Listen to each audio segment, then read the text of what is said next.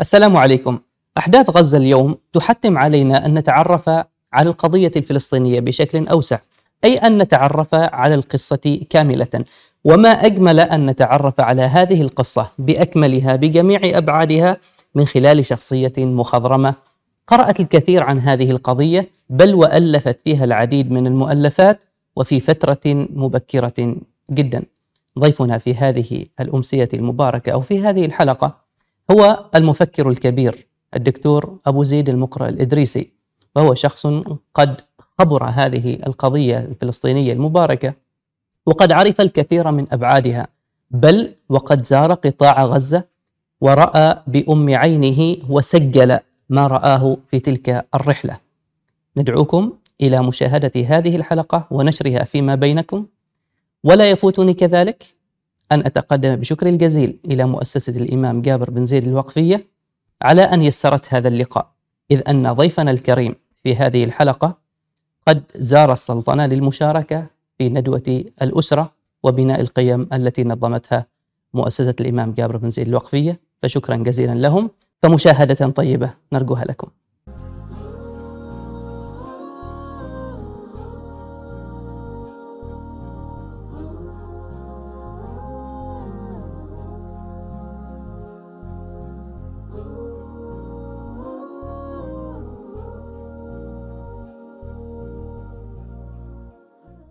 بسم الله الرحمن الرحيم الحمد لله والصلاة والسلام على رسول الله وعلى آله وصحبه ومن والاه حياكم الله وبياكم مشاهدينا ومستمعينا الكرام في لقاء متجدد من لقاءات منصة برزة لقاؤنا اليوم متفرد وجميل كيف لا وهو مع قامة فكرية لطالما أملنا النفس أن تحل علينا ضيفا عزيزا في يوم من الأيام وإذا بالأقدار بحمد الله تجمعنا في هذه الجلسة المباركة لقاؤنا اليوم بمشيئة الله تعالى مع المفكر الإسلامي الكبير والسياسي القدير الدكتور أبو زيد المقرأ الإدريسي وهو قامة فكرية غنية عن التعريف ولد عام 1960 في مراكش بالمغرب وهو سياسي إسلامي وداعية ومفكر مغربي.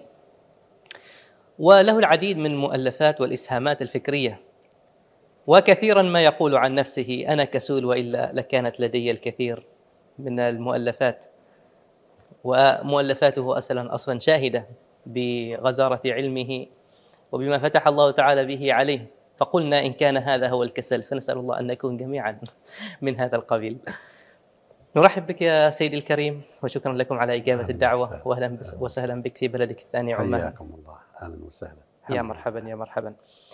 سيدي الكريم في خضم هذه الأحداث حاليا ونحن نشاهد ما يحدث لإخواننا هنالك في أرض فلسطين كنت أتصفح سيرتكم العطرة. ووجدت أكثر من مؤلف تحديدا عن القضية الفلسطينية وليس من عهد قريب وإنما هي حتى من عهد بعيد. نذكر منها على سبيل المثال للحصر أفهم القضية الفلسطينية ليكون لي موقف فلسطين وصراع الإرادات التطبيع إبادة حضارية وكذلك كتاب آخر يتحدث عن زيارتك لقطاع غزة وما شاهدته وما شاهدته هناك. حقيقة كم نؤمل النفس أن نبحر في كل كتاب من هذه الكتب لو أن المجال يتسع لذلك. ولكن حقيقة شدني بشكل ملفت كتاب فلسطين وصراع الإرادات وكذلك كتاب التطبيع عبادة حضارية. عندما رأيت سنة طبعة كانت سنة 2001 يعني قبل قطار التطبيع الذي نراه اليوم بمراحل عديدة. سيدي الكريم ماذا ذكرتم في هذا الكتاب؟ وخصوصا سنة 2001 قبل أن نشاهد كل هذه الأحداث وتهافت الدول على التطبيع مع الكيان الغاصب. بسم الله الرحمن الرحيم. الحمد لله رب العالمين والصلاة والسلام على أشرف المرسلين. سعيد بدوري بهذه الزيارة وفخور أن أكون ضيفا على هذه القناة الشامخة. الحقيقة أنني بدأت أتحدث عن خطر التطبيع سنة 1978 وليس 2001 قبل هذا التاريخ ب 13 عاما. وكان عمري 18 عاما فقط. لكن أنا بدأت أحاضر وعمري 13 عاما.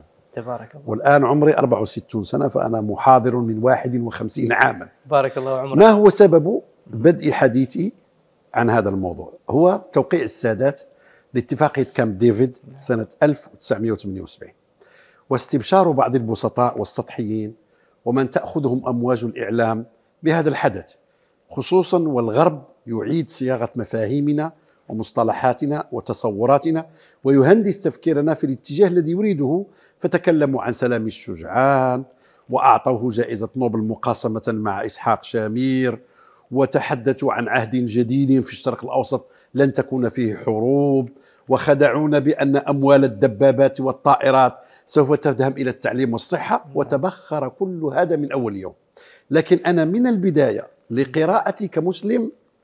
عن اليهود في القرآن وعن اليهود في السنة وعن اليهود في السيرة النبوية نعم. وعن اليهود في تاريخ المسلمين. ثم قراءتي عن اليهود في كتبهم في التوراة وفي التلمود وفي المشناح وفي الفتاوى خاصة فتاوى موسى بن ميمون لقراءة المتبحرة منذ طفولتي المبكرة في هذه العوالم الثلاثة اليهود في النصوص الدينية واليهود في التاريخ الإسلامي واليهود في ثقافتهم ومرجعيتهم كنت أعلم علم اليقين أنها خديعة. وتأكد ذلك بعد شهر واحد. إذ بعد شهر واحد جمع شارون وكان آنذاك قائدا للجيش الإسرائيلي. ليس لا وزير دفاع ولا رئيس حكومة. نعم. كان قائد جمع 165 ألف جندي إسرائيلي. نعم. وانطلق بهم إلى أقصى نقطة في شمال فلسطين وغزا بهم لبنان. ففهم أن فلسطين النحيفة المسكوكة مثل السكين. نعم. ال- ال- اليهود فيها أجبن من أن يذهبوا إلى أقصى نقطة في الشمال وظهرهم مكشوف عند أقصى نقطة في الجنوب. نعم نعم. لو لو مصر بدون اتفاقية سلام تلزمها بأن تشل جيوشها وتلجم جنودها لكانت دخول فرقة واحدة من الدبابات المصرية عبر الجنوب مربكا إلى إسرائيل ومرعبا لها وإسرائيل تريد أن تتفرغ في الشمال للقضاء على المقاومة الفلسطينية المسلحة الموجودة في جنوب لبنان اذا أمنت ظهرها اولا. أيوه فاذا لا سلام وإنما هو ترتيبات لحرب بلغة جديدة نعم. وبمسميات جديدة والذهاب للقضاء على الإرهاب. إذا قفزنا إلى محطة 93 نعم. 13 سبتمبر 1993 توقيع عرفات ورابين في أمريكا بإشراف من الرئيس الأمريكي بيل كلينتون على اتفاقية أوسلو. نعم. في ذلك الوقت أيضا بدأت أتكلم في محطة ثانية وبقوة أكثر. أتكلم عن ماذا؟ أتكلم عن أن الخديعة التي خدع بها السادات تتكرر الآن مع عرفات. في أوسلو. فما الذي تغير؟ ما الذي تغير؟ الراعي هو الراعي أمريكا. الراعي الذي لا عهد له ولا ذمة له. أمريكا الوسيط الذي ليس وسيطا وإنما هو وسيط منحاز وسيط خادع لنا ومنحاز وشرط الوساطة الحياد أمريكا هي أمريكا وإسرائيل هي إسرائيل. فما الذي تغير؟ من عرفات الذي خرج يرقص في شوارع بيروت ويضرب بالرصاص في الهواء عندما اغتيل السادات. وقال الآن اغتيلة الخيانة انتهى موضوع التطبيع. فإذا به هو بعد أقل من 15 سنة هو الذي يوقع على, على بالضبط 12 سنة يوقع على شيء أخزى وأسوأ مما فعل السادات. نعم. فبدأت أحاضر وأشرح إلى أن جاءت سنة 2000 سنة الانتفاضة الثانية. وكنت طبعا في تلك الفترة ربما تلام على أن الذي طبعا ألام لوم شديد أنت تبالغ أنت تهول أنت عاطفي أنت تدلس على الناس. تكلم بلغة علمية طبعا أنا أتكلم بلغة عاطفية هذه طبيعتي. والقضية الفلسطينية مسألة إيمانية. نعم. وعندما تحاضر كان رسول الله صلى الله عليه وسلم إذا خطب في الناس كأنه منذر قوم. يقول صبحكم مساكم هذا وصفه في السيرة النبوية. وكان يحمر وجهه ويعلو صوته. فأنا أتكلم بعاطفية لكن أتكلم بالعلم. بالضبط. كانوا يلومونني لما وضعت عنوان محاضرة أصل هذا الكتاب التطبيع إبادة حضارية محاضرة. لما وضعت عنوان المحاضرة التطبيع إبادة حضارية امتلأ المدرج بأكمله من باب الفضول. ماذا سيقول هذا؟ فإذا بي ألزم الصمت والهدوء وأقول اليوم أنا لم آتي لأتكلم الآن سيتكلم تقرير أمني لقوات أمن الدولة المصرية. وجئت بتقرير سري. طيب. استطاع ان يصل إلى احد الصحفيين الإسلاميين المتميزين اسمه إبراهيم عبد الهادي. ونشر ملخص ملخص ملخصه في مجلة المجتمع الكويتية. طيب. من حوالي تقريبا عشر صفحات. فأخذته وقرأته على الناس. ماذا يفعل اليهود تحت ستار التطويع في مصر؟ من تدمير من إفساد من تجسس من دعارة من دولارات مزيفة من مخدرات كوكايين وهيروين تخيل أن الحاخامات يدخلون مصر وتحت طرابيشهم السوداء وأثناء ضفائرهم هذه مخدرات الله. نشروا السيدة جاءوا بفتيات إسرائيليات مصابات بالسيدة ودربوهن على أنه أما وقد وقع الذي وقع فيمكن أن تجاهدن في, في سبيل عقيدتكن بنشر السيدة في المسلمين. ودخلوا على مصر وفعلوا الأفاعيل في شباب مصر بنشر السيدة عن طريق الحرام. كل ما ي... لا يخطر لك على بال.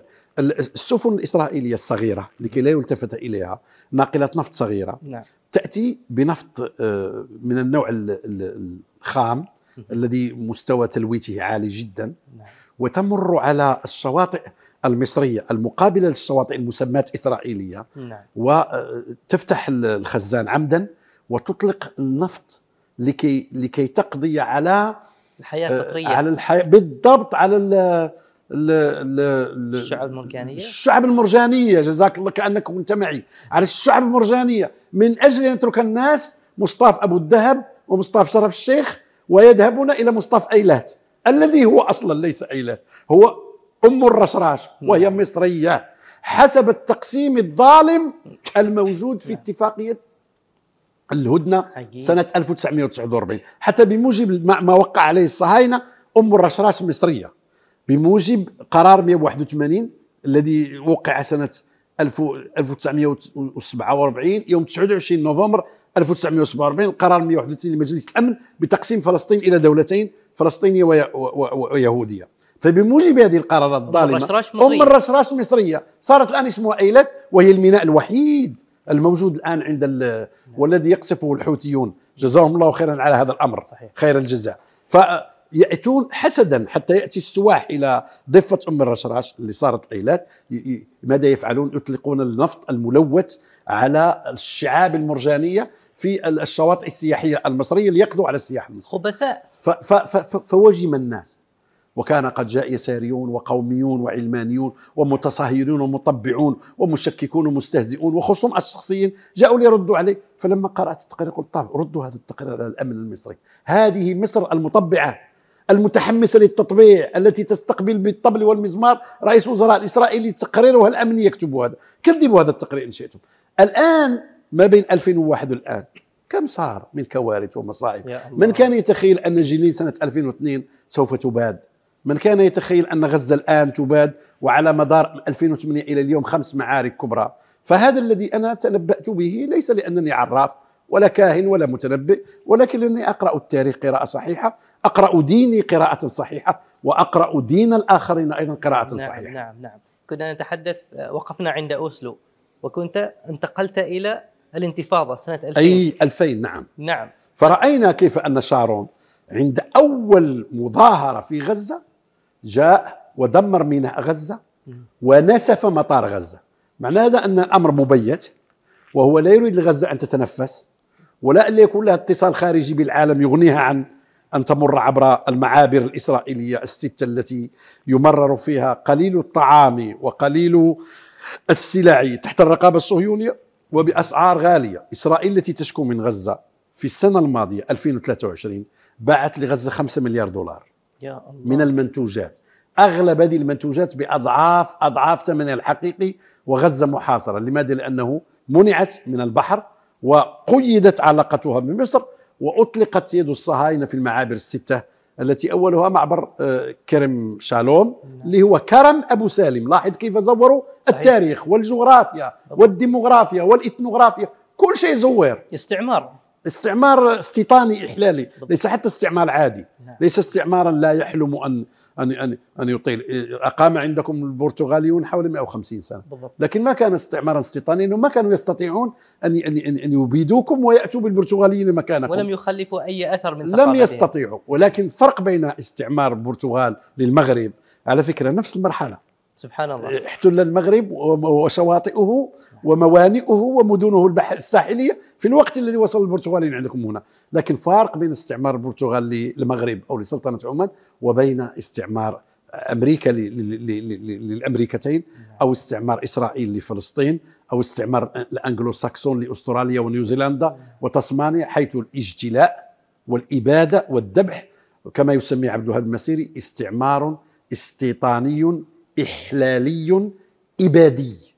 الله. وهذا الذي من فقهوا دعاة التطبيع إلى اليوم ولا يريدون أن يفقهوا شيئا. فعلا فعلا. طيب سيدي الكريم كان لكم زيارة إلى قطاع غزة وألفتم إثر ذلك كتابا. ماذا رأيتم في غزة؟ آه، عندما ذهبت إلى قطاع غزة ودونت آه، مشاهداتي في غزة آه، دونتها مباشرة بعد الرجوع حتى لا أنسى من طبع في ذهني لأني لم أكتب في اللحظة نفسها كنا مشغولين بالزيارة. وكنا في برنامج كتيف ليل نهار. في أي عام كان؟ في أكتوبر 2010 2010 إي نعم. يعني وكان بعد الحصار بأربع سنوات. بعد الحصار باربع الحصار بدأ سنة 2005 والقطيعة مع مع جماعة أوسلو كان في 2007 فاستحكم الحصار بعدها. الحصار عمليا 2005 أنا زرت 2010 زرناها ثلاثة أيام فقط. ومنعنا أن نقيم أكثر. وهددنا المصريون من تأخر يوم الأحد عصرا دقيقة واحدة سيبقى في غزة سنة كاملة. لا إله إلا الله. كنا 400 شخص من أغلب جنسيات الدنيا.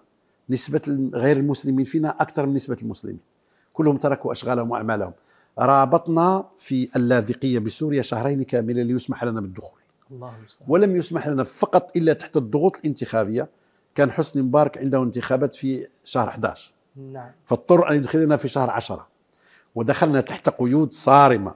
دخلنا يوم الخميس عصرا وقيل لنا إذا لم تكونوا هنا عند المعبر يوم الأحد عصرا ستبقون هنا سنة كاملة. ففي الثلاثة أيام كنت لا أنام كنت أتأمل أنظر. أول شيء شدني. في أهل غزة عفة وشموخ أنف سبحان الله. وتعفف. إذا كان أحد يستحق وصف القرآن الكريم يحسبهم الجاهل أغنياء. من التعفف لا يسألون الناس إلحافا هم أولئك. دخلنا أخي الكريم ب 140 سيارة. في كل سيارة من طن إلى ثلاثة طن من المواد الغذائية والإغاثية والدوائية والمدرسية وغيرها. بعد أن شيبنا المراقب المصري الذي كان يأتي بالطائرة من العريش إلى اللاذقية ويراقب كل السلع التي كنا نشتريها ويراقب حتى التلفيف. حتى إنهم طلبوا منا أن نزيل التلفيف الذي أنفقنا عليه. أموالا طائلة ونضع تلفيف آخر يكون شفافا. فتعاقدنا مع شركة سورية وجاءت فقامت بالتلفيف بكلفة عالية جدا. أذكر التلفيف وحده كلفنا أكثر من من عشرة ألاف دولار. الله المستعان. لماذا؟ لأنهم قالوا نريد تلفيف شفاف حتى إذا مرت السلع عبر السكانر عبر الراديو الذي يصور ما في نعم. الداخل لا لا يكون شيء مصمت أو أو مظلم. نتحدث عن مصر. نعم. مراقب مصري هذا. مصري أما الإسرائيليين ما نحكيش معاه. لا ندخل لا هم يقبلون ولا نحن نقبل. نحن لا نقبل الدخول من إسرائيل بين قوسين ليست إسرائيل انها مصر فلسطين محتلة. فلما وصلنا شعب محاصر مجوع ومرت عليه حرب 2008 2009 لتوه. جزء كبير من المدينة مهدم. الظلام دامس. لم ينظر مش لا أقول لم يسأل لم يتسول. لم ينظر أحد من زجاج السيارات الخلفي إلى ما وضعنا هناك. وكنا في 140 سيارة فان متوسطة كل سيارة حمولتها بين الطن وثلاثة طن ونسوق هذه السيارات وعلى كل سيارة علم بلد من البلدان من المغرب إلى أستراليا. فكانوا يستوقفوننا حتى إننا في 20 كيلومتر قضينا أربع ساعات. أولا الطريق كلها محفورة بالقذائف الإسرائيلية وثاني الناس يأتون إلينا ويرحبون بنا وظلمة شديدة. ممكن حتى يأخذون السيارة ومن فيها. فلم نرى أحدا. لا أقول سأل طعاما أو سأل بماذا جئتم أو أين ستوزعون غدا إذا طلع النهار. لا لم ي... لم يخالص نظرة إلى النافذة الخلفية. وإنما ينظر إليك ويسلم عليك ويرحب بك ويقول لك تعال أريد أن أكرمك. جانا طفل صغير عمره ثمان سنوات يقول عمي عمي تعالوا عندنا عندنا كفتة عندنا كبة وأنا أعلم أنه ليست عنده ويحلم بها. ففي الغد وكان الظلام آه. دامسا وصلنا في منتصف الليل أوقفنا السيارات كلها في ساحة كبيرة. هي عبارة عن مقر رئاسة الحكومة التي بنتها حكومة إسماعيل هنية وهدمها الصهاينة بالصواريخ توماهوك فالحكومة حكومة حماس جاءت بالجرافات وجرفت المكان وجعلته ساحة عامة. نعم. فأوقفنا السيارات. في الغد جئنا صباحا بعد صلاة الفجر والإفطار فوجدنا السيارات سليمة والظلام دامس في المدينة.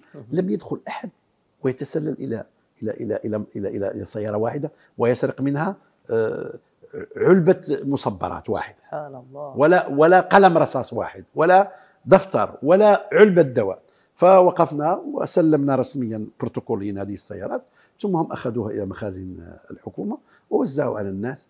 فاذا اولا لم أرى شخصا يتطلع إلى ما جئت به وإنما يشكرك فقط على أنك جئت تصل معه الرحم وترفع عنه الحصار. رغم حاجته. نعم الحاجة الشديدة. هم كانوا خارجين منذ شهور قليلة من حرب 2008 2009 التي صب عليهم فيها إيهود أولمرت وتسيبي ليفني ما سموه بمعركه الرصاص المصبوب.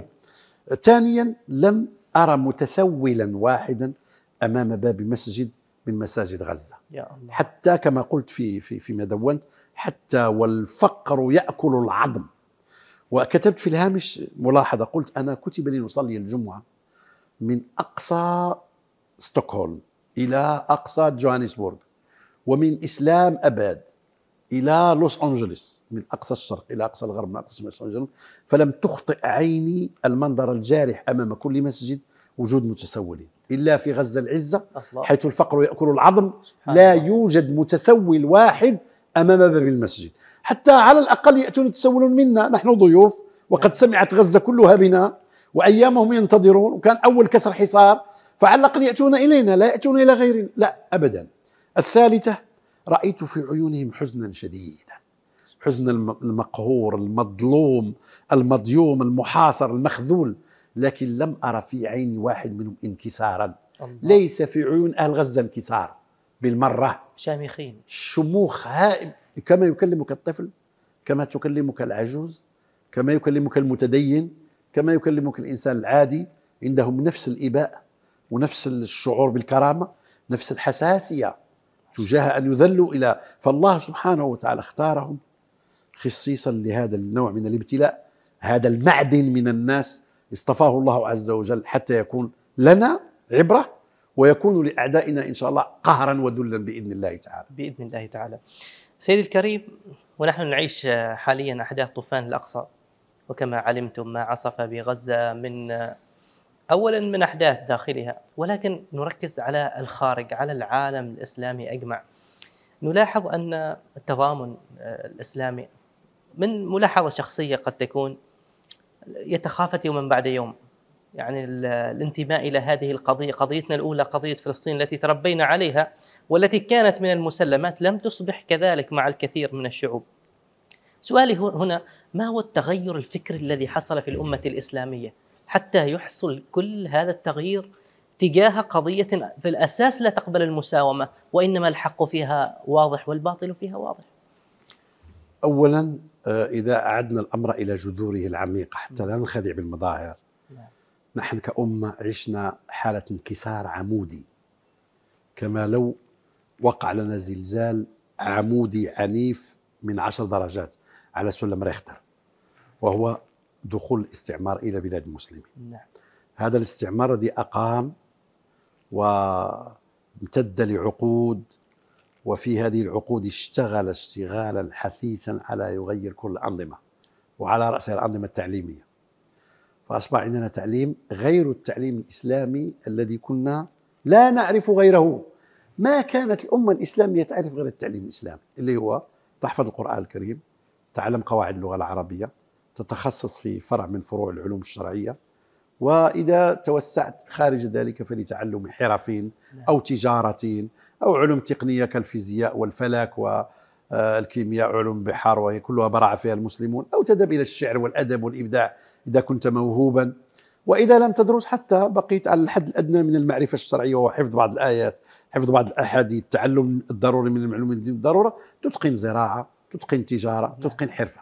فكان المسلمون محصنين تلقائيا لأنهم مملوءو الجوف فقط بثقافتهم ودينهم وهذه الثقافة مرتبة ترتيب قائم على قاعدة التوحيد ثم على كليات القرآن ثم على أساسيات السنة والسيرة ثم على الكينونة الثقافية الإسلامية الممتلئة بنصوص وأقوال وحكم وقواعد وقوانين وقيم ومفاهيم وأولويات نعم. ومن هذه الأولويات جهاد الدفع الذي عند فقهاء المسلمين جميعا إذا وقع إذا دخل العدو أرض المسلمين تخرج المرأة لا تستأذن زوجها ويخرج الولد لا يستأذن أباه ويخرج العبد لا يستأذن سيده ويخرج المدين لا يستأذن دائنه جهاد الدفع هذه أولوية عند المسلمين لا تناقش. ثم جهاد الطلب هذا فرض كفاية. نعم. إذا قام به البعض آه، آه، سقط. عن الكل. ثم من الأولويات القضية الفلسطينية. و- وكان عند المسلمين ال- القدس وبيت المقدس والمسجد الأقصى في نفس الدرجة من الناحية العاطفية. أنا أتكلم من الناحية العقدية. كمكة والمدينة. نحن لا نناقش ما ناقشه الفقهاء أي البقاع أفضل نعم. عند الله؟ وكلام طويل هل مكة هل المدينة؟ أم مكان تربة رسول الله صلى الله عليه وسلم؟ أم مكان الكعبة؟ لكن هذه به. الثلاثة نعم. كانت شعوريا عند أبسط إنسان يتوق إلى الحج ويقضي عمره في جمع المال لعله يذهب في آخر عمره لزيارة مكة والمدينة. كان يعرج عمدا على القدس. إحنا نسميه في المغرب التقديس. وإذا نظرت في الخريطة تجد بأن المغربي إذا أخذ الطريق من شمال إفريقيا ثم عبر مصر نزل عبر البحر الأحمر فإنه ينقص تقريبا ربع المسافة من إذا ذهب شمالا عبر رفح ثم فلسطين ودخل إلى القدس ثم نزل مرة أخرى إلى المدينة المنورة فعلا. عبر الأردن فعلا وكان المغاربه يتعمدون أنه يقول لك أنا أحج ويقصد زيارة مكة وأزور ويقصد زيارة المدينة وأقدس ويقصد زيارة القدس. فكانوا. يعرجوا عن القدس. إذا عرجوا عن القدس طولوا وهذا كان الحج سنة كاملة عندنا في المغرب. ولعل أهل المناطق النائية من الجهة الأخرى أيضا من الشمال ومن الشرق ومن الجنوب كانوا يفعلون نفس الشيء. فتعلق المسلمين ببيت المقدس وأنه عيونهم ترحل إليه. عيوننا إليك ترحل كل يوم. ثم إنها قبلتهم الأولى. رسول الله صلى الله عليه وسلم في مجموع ما صلى. قبل أن تأتي الآية الناسخة للقبلة الأولى حسبها أحد الأذكياء فوجد أن النبي صلى الله عليه وسلم صلى 62 فاصلة آه، في المئة من مجموع صلواته إلى بيت المقدس. ما شاء الله. فلم يدرك بعد النسخ أن يصلي إلى القبلة النهائية الموجودة اليوم إلا ثلث عمره وصلواته وركعاته فهذه قبلة أولى صلى إليها رسولنا صلى الله عليه وسلم ثلثي حياته قبل أن تأتي تأتي آية قد نرى تقلب وجهك في السماء فلنولينك قبلة ترضاها فولي وجهك قبل المسجد الحرام وحيثما كنتم فولوا وجوهكم شطرة. طيب هذه البديهيات انكسرت وبدأت تبهت وتتراجع بسبب التعليم الاستعماري الذي فرض أولويات ومقولات ومفاهيم. منها مثلا اليوم مفهوم تقدير المصالح. وأن علينا أن ننظر إلى مصالحنا. تقدير التحالفات نعم. والاستراتيجيات والتكتيكات. العولمة وعلينا ندخل عصر العولمة والتقانه آه، مفهوم الأمة الإسلامية المعد موجودا. هذا مجرد عاطفة وخيال. لا يوجد أمة توجد تكتلات. جنوب جنوب جنوب شمال الشرق. حتى صنعوا لنا هيئة وهمية خرافية ليس لها أساس وشغلونا داخلها بمخططات وبرامج ومصطلحات. مثلا في ال- في ال- في البلد الذي أنا أعيش فيه كأننا صرنا ملزمين أن ننتمي إلى يسمى المانا دول المانا ام اي ان اي اللي هو دول شمال إفريقيا والشرق الأوسط. نعم نعم. و و ويقصدون بها آه، حوض جنوب البحر الأبيض المتوسط والشرق الأوسط فقط لإدخال إسرائيل.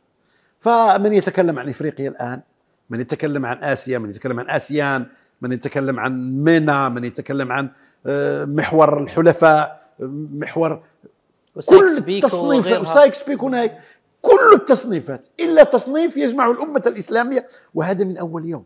عندما عقد مؤتمر سنة 1906 مهم. في الجزيرة الخضراء أقصى نقطة جنوبية في إسبانيا شوف اختاروا أقصى نقطة تطل على المغرب. وكان هذا المؤتمر الذي دام ثلاثة شهور. وحضرته 14 دولة كان مؤتمرا خاصا بحل مشكلة المغرب. من سيستعمر المغرب؟ وكذلك كان سنة 1912 تعرف؟ 14 دولة روسيا. انظر روسيا كم هي بعيدة أمريكا استراليا كلهم حضروا. منعوا الدولة العثمانية من أن تحضر. عجيب. وهي المعنية لأن كبلد مسلم هذو إخواننا على الأقل يقررون بشأننا. أنا أحكي عن 1906 ما زال السلطان عبد الحميد الثاني يحكم وما زالت الدولة العثمانية قائمة. رفضوا طلب الدولة العثمانية الحضور رفضوا لانها البلد الوحيد الذي سيدافع عن المغرب بصفته بلدا مسلما. صحيح. وهم اجتمعوا كلهم إسبانيا وفرنسا والبرتغال وألمانيا وإيطاليا وروسيا وأمريكا وأستراليا. والنمسا من أجل أن يقسموا المناطق ويقسموا المغرب بالتراضي بين إسبانيا وفرنسا وتعطي فرنسا لبريطانيا مصر تسلم لها بها ارضاء وتقسم مع إسبانيا الشمال والجنوب. هذه المؤامرة هذه الوزيعة هذا المخطط الوحيد الذي طرد منه هو المعني الوحيد به وهو الدولة العثمانية باعتبارها دولة جار اليوم مثلا ماذا ندرس نحن في التاريخ أن الدولة العثمانية دولة غازية دولة مستعمرة دولة عدوة. نفس الشيء تجاه كثير من البلاد الإسلامية. آه، قد تجد الآن العلاقات بين بلدين شقيقين. العلاقات بينهم ممتازة جدا وعندهما نفس المزاج في السياسة الخارجية وهي المسالمة والبعد عن الصراع والفتن والسعي إلى المصالحة ما أمكن. الذين هما بلدي وبلدك. سلطنة عمان والمغرب تتشابهان في كثير من الأمور. ثم نحن مسلمون والعرب والعلاقة طيبة ولكن كم حجم التبادل التجاري كم حجم التبادل النقلي حتى إن ما عندنا طائرة مباشرة نعم. قالوا إنها غير مربحة الغوى فنحن نمر عبر الدوحة أو عبر القاهرة نعم.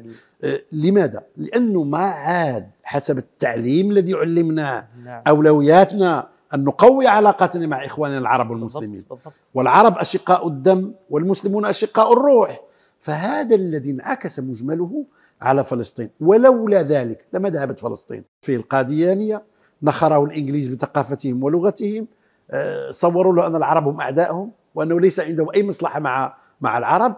ولهذا قاتل الهنود مع الإنجليز في الحرب العالمية الأولى والحرب العالمية الثانية.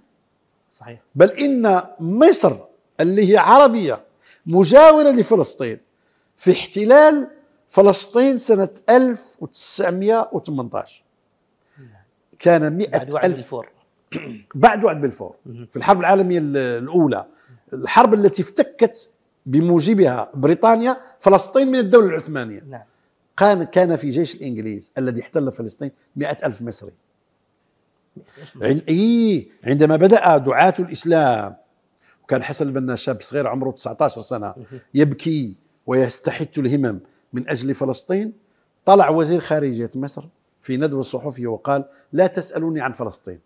أنا وزير خارجية مصر ولست وزير خارجية فلسطين. هذا سنة 1936 يا الله. 1936 قال لا تسألوني عن عن عن فلسطين. أنا وزير خارجية مصر. هكذا وصل الحال. لكن الحمد لله الآن هناك رجوع هناك وعي هناك نهضة هناك صحوة إسلامية مباركة. لدى الشعوب ربما دكتور. لدى الشعوب ولدى بعض الأنظمة بدرجات متفاوتة. ولو على استحياء ولو على خوف. نعم صحيح من الناحية الواقعية الآن أي نظام عربي أو إسلامي يتحرك يعرف ماذا ستفعل به صندوق النقد الدولي والبنك الدولي ما ستفعل بورصة كذا كذا. ولكن لاحظ أنه الذي ليس عنده هذا الضغط يتحرك. صحيح. حزب الله لأنه ميليشيات تتحرك حماس لأنها ميليشيات تتحرك مقاومة الإسلامي بمختلف فصائلها والحوثيون لأنهم ميليشيات أما كل من عنده دولة الآن مقيد لكن حتى داخل هذا القيد هناك دول تتعاطف هناك دول تثير قضايا قانونية أو إنسانية. وهناك دول لا تعين إسرائيل. أما الآن عندنا دول تعين إسرائيل. هذه المصيبة. عندنا دول تدافع عن وجهة نظر الصهيونية المعتدية. صحيح. فإذا هم كحكام درجات. أما الشعوب لا درجة واحدة من العاطفة والالتحام. لكن هذا الثمن الذي من أجله عدنا إلى القضية وعادت إلينا القضية ثمن باهظ إنه الدم الغزاوي. إنها الروح الطاهرة الزاهقة في غزة إنه الدمار والخراب ورائحة البارود والغبار. فهذا الثمن باهظ حتى نعود إلى إلى إلى إلى إلى قضيتنا وتعود إلينا قضيتنا، الآن عادت الأولوية الكبرى، أنت تشوف التعاطف، تشوف التحرك، صحيح. تشوف أنا أنظر يوميا عبر الهاتف النقال إلى ما يقع من حراك في المغرب ويرسلون الي الجداول. كل يوم هناك عشر فعاليات ما شاء الله. عشرون فعالية في كل مدينة كل مدينة. قد يصل في المغرب والمغرب أذكره فقط كمثال قد يصل في المغرب في اليوم الواحد إلى مئة فعالية. مظاهرات مسيرات وقفات محاضرات احتجاجات مطالب. حتى والمغرب قد تورط في التطبيع ووقع للأسف الشديد مع ولكن التطبيع الآن تجمد ليس في المغرب فقط في كل بلاد المسلمين. خوفي ختاما من شيء هو أن هذه الفورة العاطفية أول ما تتوقف الحرب في غزة تبرد وتتراجع وتجمد بسبب ماذا؟ ما بدأت به سؤالك مشكورا وهو أن القضية لم تعد قضية معرفية تصورية عقدية راسخة. صارت قضية تعاطفية عاطفية. إنسانية عاطفية. أطفال والع... أيوة والعاطفة كما قال محمد الغزالي رحمه الله قال لا تكن إيمانياتكم كلهيب التبن أصفر وأحمر مشرق متوهج ثم إذا انطفأ سريعا انطفأ عن رماد لا يصلح لشيء. رماد طيب لا يصلح لشيء. قال لا ينبغي أن نؤسس إيمانياتنا كيف تتغذى النار لكي تبقى مشتعلة ومضيئة وتبقى نورا؟ تتغذى على حطب كثير وحطب كثيف وحطب غني. هذا الحطب اللي تتغذى عليه هو المعرفة والعلم والعقيدة والتصور. والآن الحمد لله عبر وسائل التواصل الاجتماعي على ما فيها من عيوب هناك كم من المعلومات نعم. والمعارف والخرائط والفيديوهات والاتفاقيات والمواقف والتصريحات والإحالات. إذا دخل المسلم إلى إلى هذه الوسائل وأحسن الانتقاء داخلها يمكن أن يجد غذاء يوميا لقضيته الأولى الآن اللي هي قضية فلسطين وغزة. فعلا فعلا. سيد الكريم مواصلة الحديث عن هذا الموضوع ونعايش الواقع حاليا مع طوفان الأقصى. طبعا آه، البعض يحصرها فقط أنه صراع محلي بين القيادة قيادة المقاومة وبين الكيان الغاصب. ولكن ما نلاحظه اليوم أنه فعلا طوفان اجتر العالم أجمع. حسب قراءتكم سيدي الكريم ما الأثر الذي أحدثه طوفان الأقصى في العالم أجمع؟ أولا أنا دائما لا أمل من تكرار حقيقة مرعبة لأنها فعلا مرعبة. وهو أن نقف على قوله تعالى وتراهم ينظرون إليك وهم لا يبصرون هناك أناس ينظرون ولا يبصرون. الذين يقولون أنه صراع بين حماس وإسرائيل. لقزمها وجعل صراع بين السنوار ونتنياهو. نعم. اللي وسعها إلى أنه صراع فلسطيني إسرائيلي. هذا إنسان ينظر ولا يبصر. لماذا؟ لأن غزة لا تقاوم إسرائيل اليوم. نعم. غزة تقاوم أوروبا بأكملها. صحيح. وتقاوم أمريكا. وتقاوم الهند. الداخلة بقوة. بالضبط. في الحرب. صحيح. آه هذه ال 14 دولة اللي ما إن فتح نتنياهو فمه الكريه باتهام الأنروا بأنها ساهمت في التخطيط لطوفان الأقصى إلا وقامت هذه الدول الأربعة عشر اقتداء بالدولة الخامسة عشر اللي هي أمريكا بقطع مساهماتها عن الأنروا هذه أين نضعها؟ أين نصنفها؟ البارجة الأمريكية العملاقة ميزوري التي تحركت في أول يوم ووقفت على الشاطئ ومعروف من تهدد. احتمال واحد في المليار أن تتحرك عاطفة تركيا وعندها شيء من السلاح ولها هناك قواعد قريبة لعلها تفعل شيء تفك به الحصار. خلاص. واحد من من مليار. نعم. هناك هناك اتفاق ضد فلسطين وضد غزة وضد المقاومة. الوجه البارز أولا وإسرائيل الصف الثاني أمريكا ولكن خلف الكواليس آلاف من المؤسسات أكيد. وملايين من التوجهات وملايير من النوايا الشريرة وكل يحسبها من زاويته الخاصة مثلا الهند عندها حقد خاص على الإسلام هذا معروف صحيح. ولهذا الهنود الآن في آه، الذباب الإلكتروني الهندي متطوع الآن في وسائل التواصل الاجتماعي بشكل لا يتصور مجانيا لوجه الشيطان في دعم إسرائيل أكيد. ويكاد لوحده يكون مع إسرائيل من الجهة الأخرى أذكر بعد أسبوعين بعد أسبوعين قدمت إسرائيل شكاية إلى الشركات العملاقة التي تسير وسائل التواصل الاجتماعي. قدمت معها رقم. قالت إن 9 مليار آه، نشاط. إما تغريدة إما آه، share إما like إما تعليق إما مقال إما صورة إما فيديو. 9 مليار آه، نشاط وقع في وسائل التواصل بشأن غزة. هذا بدأ أسبوعين 8 مليار لصالح فلسطين ومليار لصالح إسرائيل. وهم يشكون أن هذا حيف ويطالبون من هذه الوسائل أن تشدد وتضيق أكثر مما هي مشددة ومضيقة على أي مضمون أو نعم. محتوى لصالح فلسطين. لكن أنا سؤالي ليس هذا. نعم. هذه المليار من أين جاءت إسرائيل؟ الشعب اليهودي صغير. هؤلاء الهنود. ومعروفون. ومع ذلك هذا كله لم يقنع بعض الناس أنها حرب كونية ضد الإسلام. نعم نعم. لماذا؟ لأن الوعي الذي يملكه العدو لا نملكه نحن. وسبحان الله القرآن الكريم في آية إعجازية عجيبة. يقول الله عز وجل وقاتلوا المشركين كافة كما يقاتلونكم كافة. لاحظ قاتلوا فعل أمر إذن هو طلب أسلوب إنشائي. شيء لم يحصل يريد الله منا أن يحصل. كما يقاتلونكم أسلوب خبر. فيه وصف نعم. فيه تقرير فيه إقرار. ف ف فكافية قتالنا طلب وكافية قتالهم وصف. ما يراد منا مطلوب منا ما هم عليه حاصل فيهم. فسبحان الله سبحان الآية الله. تصور أنهم هم شغالون ضدنا. آه، وودوا لو تكفرون كما كفروا فتكونون سواء. ما يود الذين كفروا من أهل الكتاب والمشركين أن ينزل عليكم من خير من ربكم حسدا من عند أنفسهم من بعد ما تبين لهم الحق. ولا يزالون يقاتلونكم حتى يردوكم عن دينكم إن استطاعوا. فلاحظ سبحان الله هذا الوصف القرآني. وهذه الخريطة القرآنية التي فيها المشركون والمنافقون واليهود والنصارى والمؤمنون المسلمون خريطة واضحة ومنتشرة عبر طبقات التاريخ والجغرافيا زمانا ومكانا افقيا وعموديا. لكن بعض الناس لا يريدون يعني ان أنا أنا في المغرب عندنا فئة قليلة لا تعد ولكن صوتها مرتفع تدافع عن التطبيع وتدافع عن العلاقات مع إسرائيل تبرر ماذا يتكلمون؟ مصالح تبادل تجاري استفادة من تكنولوجيا سلام. إسرائيل سلام صحراء غربية. أخوة، صحراء غربية صحراء مغربية إلى آخره فللاسف الشديد هذا الذي الذي عجيب. يحتاج المسلمون فيه إلى مراجعة عميقة نعم نعم طيب على مستوى الوعي آه، دكتور هل كنت في معرض حديثك تحدثت أيضا عن التطبيع وأن طوفان الأقصى قد جمد استخدمت لفظ آه، نعم. جمد نعم. آه، هل هناك من استئناف حسب قراءتك لموجة التطبيع؟ أم أنها ستتوقف الكثير من الدول عن هذا القطار وتتراجع بعد طوفان الأقصى؟ طوفان الأقصى كما نراه كما نرى آثاره والأجمل كما صرح السنوار وأبو عبيدة وأبو العبد آه، كان عند القائمين عليه جزاهم الله خيرا ونصرهم وسدد رميهم. وثبت أقدامهم. وعي من البداية أنهم يستهدفون بهذا الطوفان مع معرفة بحجم الثمن الهائل الذي سيقدمون هذه ال ال ال ال الاستهداف هذه الأهداف.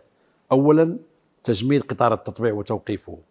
ثانيا وقف التطاول على المسجد الأقصى والدخول في التقسيم الزماني والمكاني وحرق البقرة الحمراء والقداس اللي كان آه، منتظر. آه، آه، تصفية القضية الفلسطينية من من من الوعي العام السياسي والقانوني والحقوقي ومن الجدل الإعلامي. حسم ما يسمى صفقة القرن أو صفعة القرن نعم.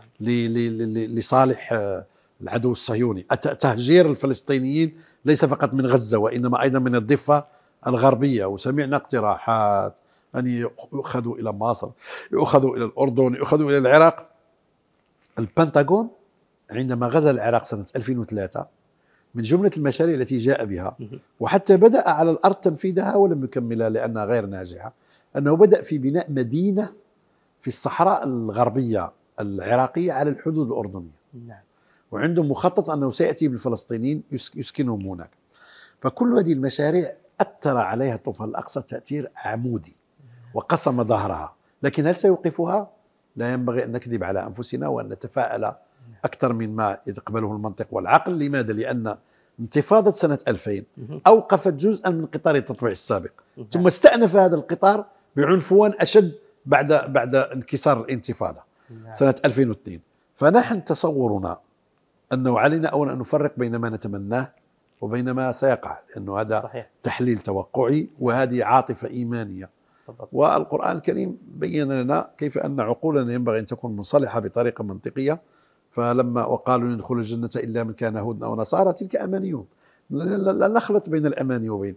نحن نتمنى أن يكون هذا الثمن الباهظ الذي قدمه آل غزة من دمائهم ومن أبنائهم ومن عمرانهم ومن وجودهم ومن حقهم في العيش أن يكون ثمنه أن ينقطع التطبيع. لكن أنا أتوقع في هذه المحطة لأن الدول العربية والإسلامية ضعيفة ومتخاذلة ومفككة وبعضها حتى متورط في التطبيع أو نشيط في هذا التطبيع. أتوقع أنه سيستأنف التطبيع. لكن سيستأنف على المستوى الرسمي. على المستوى الشعبي وصلنا إلى حالة نفسية وفكرية وعاطفية وإيمانية ووعي سياسي يجعل الآن من الصعوبة بمكان على مطبع على المستوى الأهلي نعم. أو الشعبي أن يتحرك. على الأقل في السنوات القادمات. فإلى أن يحدث الله أمرا نعم. إلى أن يقع تحول استراتيجي في موازين القوى إلى أن تتغير الأوضاع آه، بشكل نوعي وليس فقط بشكل جزئي فنحن سنتوقع استمرار التطبيع لكن سيبقى فاشلا ومحصورا على المستوى الرسمي. طيب دكتور لماذا هذه الفجوة الكبيرة الموجودة بين الإرادة السياسية وبين الإرادة الشعبية؟ لماذا لا يكون هناك توافق لماذا النخبة السياسية دائما تنظر إلى جانب التطبيع وإلى التودد إلى هذه الكيانات؟ رغم أن الشعوب بأكملها لو عمل استفتاء ربما حسب توقعية فوق 99.9 ربما بالمئة الم... الرافضون لقطار التطبيع. لماذا هذا الانفصام؟ كتب الدكتور برهان غليون كتابا منذ أكثر من عشرين سنة. ونشره عمدا بالعربية نعم. ونشره بالفرنسية لأنه في الأصل هو دروس ألقاها في أرقى أكاديمية في فرنسا هي ال Collège de France. عنوان هذا الكتاب المحنة العربية الدولة ضد الأمة. الدولة ضد الأمة. الدولة ضد الأمة. وشرح كمحلل نعم. وفيلسوف اقتصاديا وسياسيا أنه الدولة ما بعد الاستقلال. نعم. في العالم العربي الذي حصل عليه استعمار. دولة ما بعد الاستقلال التي نشأت في الخمسينيات والستينيات. تمت هندستها وبنيانتها وتشكيلها في اتجاه واحد وتصميمها هندسيا كما تصمم الشريحة الإلكترونية على أن تستمر في رعاية المصالح الاستعمارية. وأن تكون امتدادا للاستعمار بعد أن صارت الكلفة الأمنية لهذا الاستعمار عالية. مع المقاومة المسلحة في كل هذه البلدان صار هذا الاستعمار خاسرا لجنوده وأرواحهم ولسلاحه وعتاده وتوقفت التجارة مع المقاطعة الشديدة فللأسف الشديد هذه الأنظمة معوقة بنيويا ومبنية استراتيجيا على أن تستمر في خدمة هذه الأهداف من هنا كان بينها وبين شعوبها نوع من الاختلاف الجذري نعم. والجوهري بحيث تلاحظ دائما الهوى الشعبي ليس مخالفا للهوى الرسمي وإنما نقيض له. التوجه الرسمي يتكلم لغه الضغوط نعم. والابتزاز والديون وشروط صندوق النقد الدولي والإملاءات الأممية في قضية المرأة في قضية اللغة في قضية الهوية في قضية فلسطين في قضية القروض في قضية الاقتصاد في قضية التنمية في قضية البيئة. والهوى الشعبي فطريا مع مع مصالح الشعوب. سبحان الله كان الإمام سفيان الثوري ولكل له من اسمه معنى ونسب. سفيان الثوري كان ثوري. سفيان الثوري يقول يعجبني العوام هم يسمونهم الغوغاء الآن هذه كلمة آه، قدحية. ما كانت قدحية قال يعجبني الغوغاء يرعبون السلطان ويطفئون الحريق. قديما كانت إذا البيوت كانت خشبية. نعم. وما كانت وسائل الإطفاء. فإذا وقع حريق تحتاج إلى الأمة كلها تأتي بالدلاء من النهر من البحر من من أي مكان. فقال يعجبني الغوغاء يشغبون على السلطان ويطفئون النيران. ما شاء الله. توجه الشعوب نعم. دائما هو البوصلة الحقيقي ولهذا جوهر الإسلام قائم على الشورى قائم على البيعه المشروطه بالعدل وقائم على الاحتساب على الحاكم. لماذا؟ لأن ضمير الأمة في الشعب ضمن الأمة ليس عند الحاكم الحاكم قد يطغى وقد يضعف وقد يشترى وقد يخون وقد يهمل وقد يتعب قد يشيخ قد يفكر صحيح. بتفكير ضيق قد يكتب له حاشية لا تريه إلا ما يرى نعم. ولا وما ما أريكم إلا ما أرى وما أهديكم إلى سبيل الرشد لكن الشعوب دائما حسها لاحظ عندما تحركت الأمة في المسيرات والمظاهرات والوقفات الحجاجية والخروج من صلاة الجمعة توجهت كلها في اتجاه واحد. ولهذا أنا أقول لك شيء قد يكون عند الغرب مبرر لهذه المواقف العنصرية ضدنا والإسلاموفوبيا. عندما انهار الاتحاد السوفيتي وتفكك ثم تفككت كثير من دول أوروبا الشرقية. نعم. تفككت يوغوسلافيا. المسلمون البوسنة والهرسك في يوغوسلافيا قلة. أصلا يوغوسلافيا بلد صغير. وتفكك إلى ست دول. هؤلاء المسلمون كانوا تحت التغريب كانوا تحت الشيوعية هم أصلا أوروبيون منقطعون عنا مقطوعون كلية.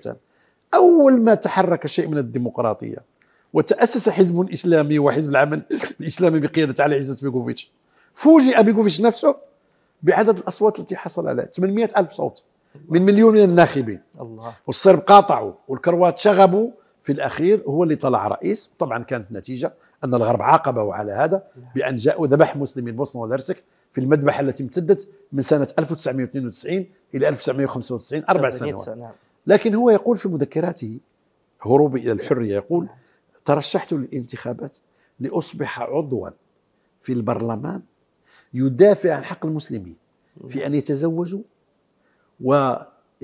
وينجبوا ويدفنوا موتاهم على الطريقة الإسلامية ما شاء الله قالوا كنت أطمح في ثمانية آلاف صوت ترفعني إلى إلى مقعد في البرلمان. سبحان فإذا بأحصل على 800 ألف صوت ترفعني إلى كرسي الرئاسة بصدق النية فإذا كان هذا الشعب البوسني المسلوخ عن هويته نعم. المقهور بالشيوعية سبعين عاما المحاصر البعيد عنا الذي لا يعرف اللغة العربية المتغرب تغريب كلي بعد هذه المدة كلها أصلا البوسنة احتلت سنة 1878 على يد النمسا نعم. ثم استلمها الصرب في الحرب العالمية الأولى.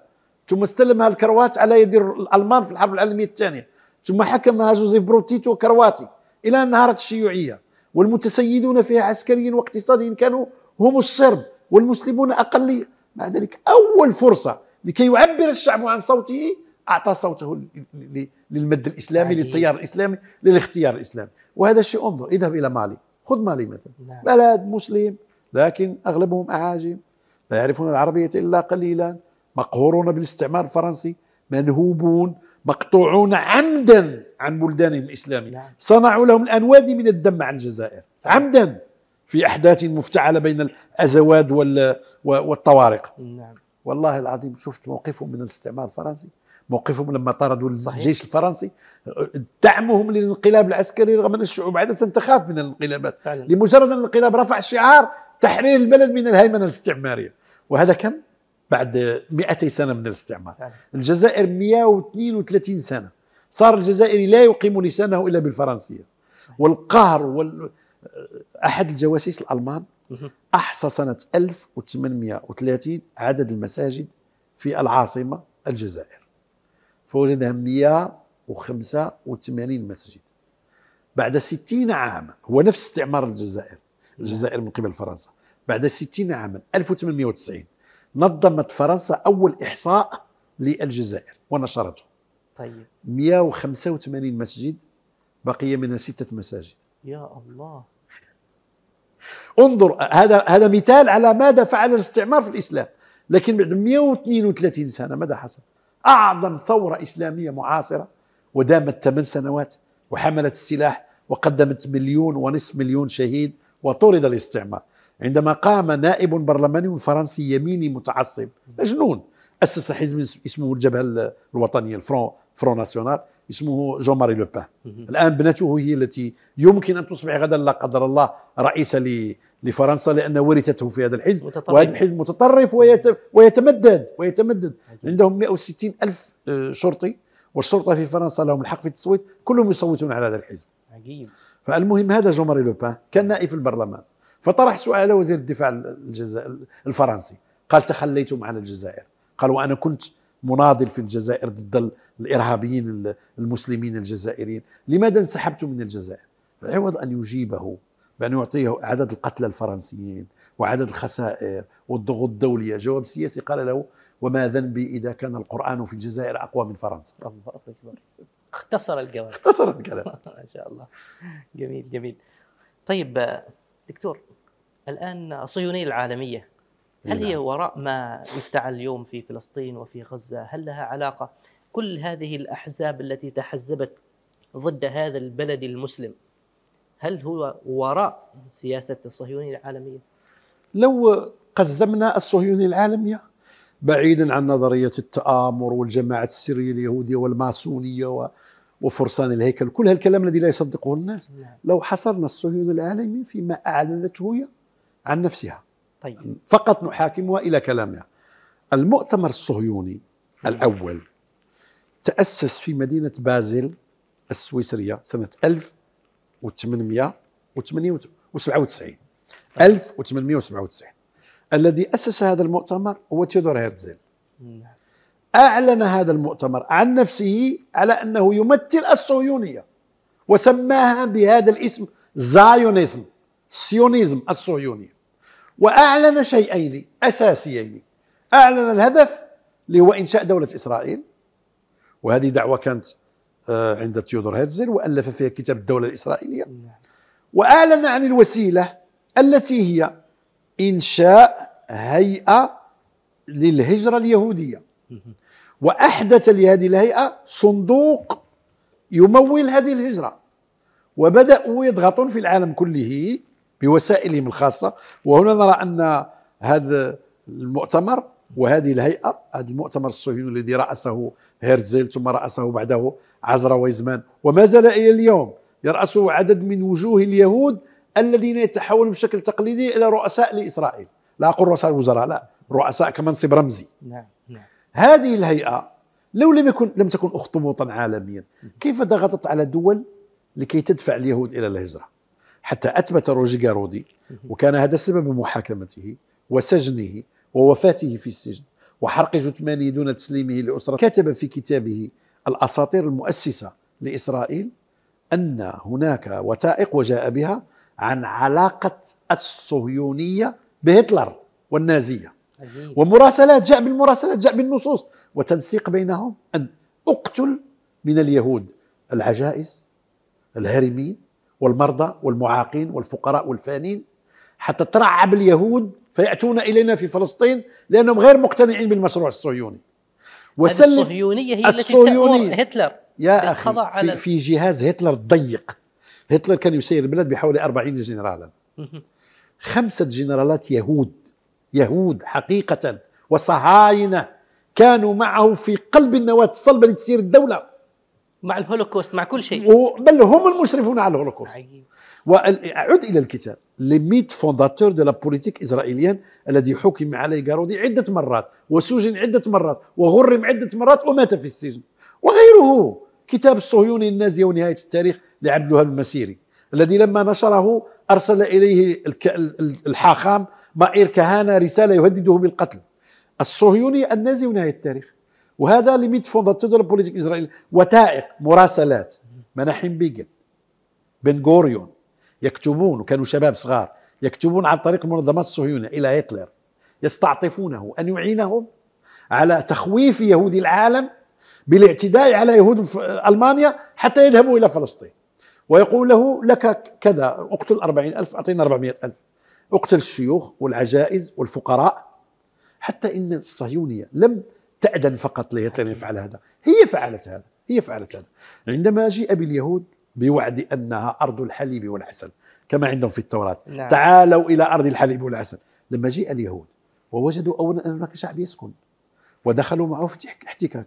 والمقاومة بدأت سنة 1907 واشتدت في 1922 واشتعلت في ثورة البراق 1929 ثم كان إضراب 1936 فوجدوا الشعب موجود ساكن في الأرض متمسك بأرضه مقاوم ووجدوا الفقر والبؤس وأحيانا كانوا يصطدمون بالاستعمار الإنجليزي ويصطدمون بالمقاومة الفلسطينية فأحبوا يروحوا على أمريكا طيب. أمريكا كان فيها في في يهود أمريكا طبعا الاقوياء جدا تياران لا تيار واحد تيار يؤمن بالصهيونية كمشروع سياسي نعم. ويقول علينا أن نبقي اليهود حتى لو ماتوا قهرا وجوعا في فلسطين حتى نقيم الدولة.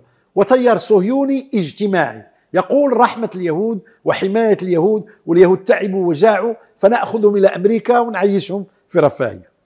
فلما جاءت انتخابات الرئيس روزفلت كان في حالة من الحرج. ثم جاء بعده الرئيس ترومان. في الحرج نفسه أنه تقترب الانتخابات يضغط عليه هؤلاء ليجلب اليهود إلى أمريكا ويضغط عليه هؤلاء ليمنع اليهود من الخروج من فلسطين.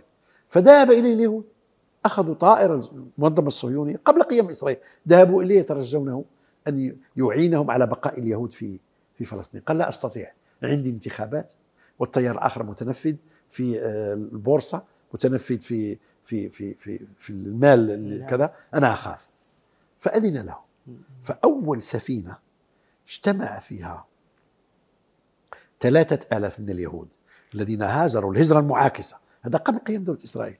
الذين سنة 46 الذين هاجروا ركبوا سفينة لكي يذهبوا من فلسطين إلى أمريكا. بعد أن تقدمت في البحر أربع كيلومترات وهي ما زالت في عرض الساحل. انفجرت وقتل كل من فيها. عجيب. ورفع شعار الفلسطينيون الإرهابيون فجروا السفينة. طيب أي غباء هذا؟ عجيب. لماذا الفلسطينيون سيقتلون يهودا يريدون الخروج من أرضهم؟ فعلا. هؤلاء على من يقبلوهم ويودعوهم بالورود. بالضبط. يعطوهم فلوس حتى يرحلوا. ولبست للمسلمين إلى يومنا هذا أنه فعلت المقاومة الفلسطينية. من اللي فعل هذا؟ المنظمه الصهيونيه استباحوا دماء وهم قلة وكل فرد عندهم يساوي ما يساوي. تلاحظ أنهم يبادلون أسيرا بألف أسير أحيانا. بالضبط. على قيمة الحياة عندهم وعلى قلتهم قتلوا ثلاثة ألاف ودمروا سفينة وأغرقوها فخرس اليهود وخافوا وفهموا الدرس وبقوا في فلسطين. فهذه هذه هي حقيقة الصهيونية. حتى لو لم نتكلم عن دولة خفية وماسونية عالمية ثم الآن من, من ينكر أن الماسونية أسقطت الدولة العثمانية؟ من ينكر الماسونية التي عزلت السلطان عبد الحميد؟ ألم يأتي لعزله قراسو ألم يكن قراسو يهوديا؟ وكان يمثل هرتزل في في في هذا القرار. نعم. وعندما وقف السلطان عبد الحميد شيخا عجوزا فانيا معزولا من جيشه عاجزا أعزل وقال من أنتم؟ قالوا جئنا نعزلك باسم الشعب. قال أنت أرمني أنت يوناني أنت يهودي. ولا واحد منكم تركي. لم تأتوني بتركي واحد يعزلني. ولكن باسم الشعب التركي عزلوا من؟ كانوا ماسونيين. ما الرابط الذي كان يجمع هذا اليوناني على هذا الأرمني؟ على هذا القبطي على هذا اليهودي من يجمع منظمة الماسونية. فالماسونية العالمية للأسف الشديد تتحكم. أنا آخر خبر سمعت اليوم لم أستوثق منه بعد لتدمير اليورو لأن قيام اليورو خطأ من الأصل. ينبغي أن يبقى الدولار ينبغي أن يبقى الدولار لوحده. لماذا الآن الدولار من أسسه؟ حتى من صممه؟ من طبعه من أول يوم؟ من المتحكم في البنك الفيدرالي الأمريكي من 1777 إلى يومنا هذا اليهود. لكن اليورو نشأ خارج سياق هذا النفوذ نعم. على وجود يهود متنفذين في أوروبا لكن نشأ في سياق هيمنة ألمانية فرنسية. فهم يحاربونه لبقاء الدولار. لبقاء الدولار ولقوة دو... هذا جورج سوروس يقول هذا الكلام الواقع. قال أنا أكرس ما عندي من مال. هو رجل يمكن يأخذ 30 مليار دولار وينزل بها على بورصة للعملات وينزل عملة من العملات. يكسرها. يقضي عليها. تمام. يقضي عليها حتى هو يخسر ما عندوش مشكل. هذه أمريكا تقول إنها تتعامل معه كدولة وليس كشخص. الله. وهو اللي لما مارغريت تاتشر طلب منها الرئيس ريغن أن تستقيل ورفضت راح على بورصة لندن وحطم الجنيه الاسترليني في ضربة واحدة في جلسة واحدة. وهو الآن الذي وراء تحطيم الليرة التركية عقابا لمواقف أردوغان. نعم. هذا يقول أنا مهمتي إلى أن أموت فيما تبقى من عمري أن أدمر اليورو. هو اليورو الآن يتراجع. تعرف أن جورج سوروس هو الذي سرب الخبر اللي دمر اليونان فدمرت أوروبا في أزمة 2008 المستمرة اليوم نعم. وهو أنه استطاع أن يشتري يمين وكالة مالية للائتمان والرقابة سر وهو أن المديونية الحقيقية لليونان أضعاف المديونية المعلنة للبنك المركزي في بروكسل الذي يراقب وضعية الوضعية النقدية نعم. فانهارت سمعة اليونان وغرق في ديونه فتداعت بعده إيطاليا وإسبانيا ثم تداعت بقية الدول حتى وصلت أزمة إلى أمريكا. جورج سوروس وراء الخبر الذي سربه من بلومبرغ كمؤسسة مالية ائتمانية يهودية أيضا. هذا الرجل اليوم يستطيع أن يفخر بأنه يدمر اليورو أي يدمر 27 دولة أوروبية. فيها بريطانيا وألمانيا وفرنسا عجيب. وإيطاليا. انظر إلى ثم يقول البعض أنتم تؤمنون بنظرية المؤامرة لا وجود اليهودي العالمي والصهيوني العالمية بل إن وراء الأكمة ما وراءها بل إن بل يقول بل إن هذه دعاية يهودية في إطار الحرب النفسية لإرعاب العالم نحن متنفذون نحن متمكنون هذه حقائق تمشي على الأرض فعلا. فعلا. ليس معنى هذا أن نسلم بهذا جميل. ونركع ونسجد له ونقول خلاص انتهينا نعم. نحن لسنا أم لا لا إحنا أمة واحدة الشيخ يوسف القرضاوي رحمه الله ألف كتاب حقي... كتاب يقول فيه الأمة الإسلامية حقيقة الأوام نعم. ويتكلم عن المقومات الحقيقية اليوم الموجودة التي تجعل الأمة الإسلامية بوحدة قرآنها ونبيها وقبلتها وكتابها ولغتها وأهدافها وقيمها وامتدادها الجغرافي حقيقة لكن حقيقة تحتاج إلى أن تفعل. يا أخي العالم الإسلامي يملك أغلب الثروات وموارد الطاقة. في تحت سيطرته أغلب المضايق. عندكم مضيق هرمز؟ ونحن عندنا مضيق جبل طارق. ثم الأمة الإسلامية مساحة أرضها أكبر من مساحة القمر 23 مليون كيلومتر مربع. نعم. فهذه حقيقة تواجه حقيقة الصهيونية اللي هي حفنة من المتآمرين المتنفذين الأذكياء الشريرين. فمن الذي ينجح في الأخير؟ آه، في لعبة آه، آه، ميكي ماوس. لعبة الفأر والقط. من من ينجح في النهاية؟ جميل جميل. سيد الكريم أعرف أني أطلت عليك ولكن الحديث معك شائق جزاك الله لعلنا خير. نختم هذا اللقاء بنقطة وهي جيلنا إي نعم حتى نغرس في حب القضية الفلسطينية وقد انتزعت من مناهجنا كيف يمكننا أن نصحح أفكارهم وأن نعيدهم إلى قضيتهم الأم ونغرسها فيهم غرسا حتى لا نخاف عليهم بعد ذلك من ضياعها. ولو مع. موجات التطبيع المختلفة سؤال رائع جدا وختامه مسك بهذا السؤال. سأبدأ لك بداية قد تبدو لك بعيدة. في تاريخ الأمم يغلب أن تنشأ الدولة ثم تنشئ الأمة. روما هكذا نشأت. نعم. أغسطين الأول وجاء إلى سهلاتيوم اشتقت منه اللاتينية وبنى عليه. روما ثم تمددت روما بالمدينة إلى دولة ومن دولة إلى إمبراطورية. الإسكندر المقدوني هكذا فعل. الفرس الساسانيين هكذا فعلوا. آشوريين الأقباط الفراعنة الإمبراطورية البريطانية الإمبراطورية. دائما تبنى الدولة ثم تبني الأمة. في الإسلام بنيت الأمة ثم جاءت الدولة. سبحان الله. في الإسلام الأمة أقوى من الدولة. في الإسلام تضعف الدولة ولا تضعف الأمة. مر علينا ملاحظات من سقوط الدولة وتفككها ودمارها سقوط الأمويين وت- وحروب مع العباسيين سقوط العباسيين بحروب من التتار والمغول نعم. مجيء الاستعمار تفكك الأندلس إلى ملوك طوائف لكن حركة الشعب ثقافيا علميا فكريا دعويا. انظروا إلى تاريخ آه، دولتكم أنتم على سبيل المثال. آه، كم واجهت الإباضية في أماكن متفرقة من العالم من محاولات الإبادة؟ صحيح. لكن استمرت لم تستمر فقط لما كانت الدولة الرستمية موجودة نعم. أو لما كانت الإمبراطورية العمانية في موجودة. لا وفي ليبيا لماذا؟ وفي لأن تونس. العلماء والمفكرين والأدباء والمربين والمجاهدين والربانيين حتى أنتم صنعتم آه، فلسفة الإمام المخفي أو الإمام ال- ال- إمامة الظهور إمامة الكتمان. الإمام الكتمان. نعم. لماذا؟ لأنه تحس أن الأمة حتى لو زالت الدولة تبقى. نعم. وأحيانا تقوى. في الأندلس ضعفت الدولة ولكن الأندلس ثقافة وحضارة وفقها وشعرا وأدبا وصناعة كانت في قمة التألق. صحيح. ولهذا الأمة في الإسلام أقوى من الدولة.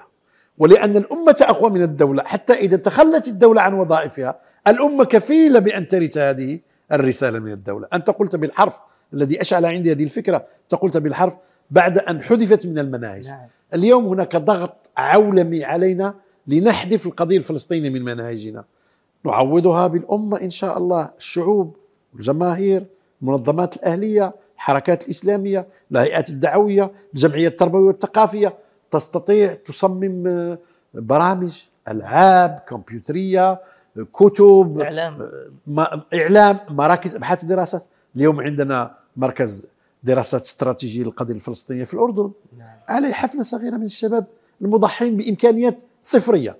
عندنا في بيروت مركز زيتونة يقوم عليه الدكتور محسن محمد صالح وينتج من المعرفة ومن الكتب ما لا تنتجه الدول عن ما شاء الله. فإن شاء الله نحن أملنا لأن هذه قدرات الأمة هذا مخزون الأمة هذا عمق الأمة الاستراتيجي أن تستمر القضية ربما أفضل مما كانت عليه أيام كانت تدرس بطريقة باردة وباهتة ومحدودة وفي دروس معدودة وبمعلومات محددة. بهذه الطريقة تشتعل القضية في الأجيال. نحن وضعنا في المغرب مبدأ سميناه التوريث الاستراتيجي للقضية الفلسطينية. ونظمنا دورات تكوينية والإخوة يشرفون عليها لأجل تخريج جيل من المحاضرين والمفكرين والمبدعين وحتى ال caricaturistes والفكاهيين الذين يتحدثون عن القضية الفلسطينية من خلال الفكاهة من خلال ال caricaturistes من خلال الرواية من خلال الشعر من خلال القصة. ويدربون أيضا أجيال أخرى. لماذا؟ حتى الأناشيد حتى أناشيد الأطفال الصغار وشعاراتهم وكذا كلها يمكن أن تبقي القضية حية ومتفاعلة مع الوجدان المسلم ومستمرة إلى أن يأذن الله إن شاء الله بالفتح المبين. وما ذلك على الله بعزيز. وما ذلك على الله بعزيز. شكرا جزيلا سيدي الكريم. أهلا وسهلا. جزاك الله خيرا على هذا العطاء. الطيب. وبإذن الله طيب. تعالى طوفان الأقصى سيكون طوفانا عالميا. إن شاء الله. يقرف الله. كل الأفكار العلمانية وكل ما تلطخت به هذه الأمة الإسلامية ردحا من الزمن. لا إله شكرا جزيلا لك وشكرا لكم مشاهدينا ومستمعينا. الكرام. باسمي وباسمكم جميعا في ختام هذا اللقاء الرائع المتميز. لا يسعني إلا أن أتقدم بشكر الجزيل للمفكر الإسلامي الكبير الدكتور أبو زيد الإدريسي. وشكرا لكم على حسن الإصغاء على أمل أن نلتقيكم بمشيئة الله تعالى وتوفيقه في لقاءات متجددة من لقاءات منصة برزة تحت سقف واحد. وتقبلوا تحياتي مقدمكم عدنان الجرنداني. والسلام عليكم ورحمة الله وبركاته.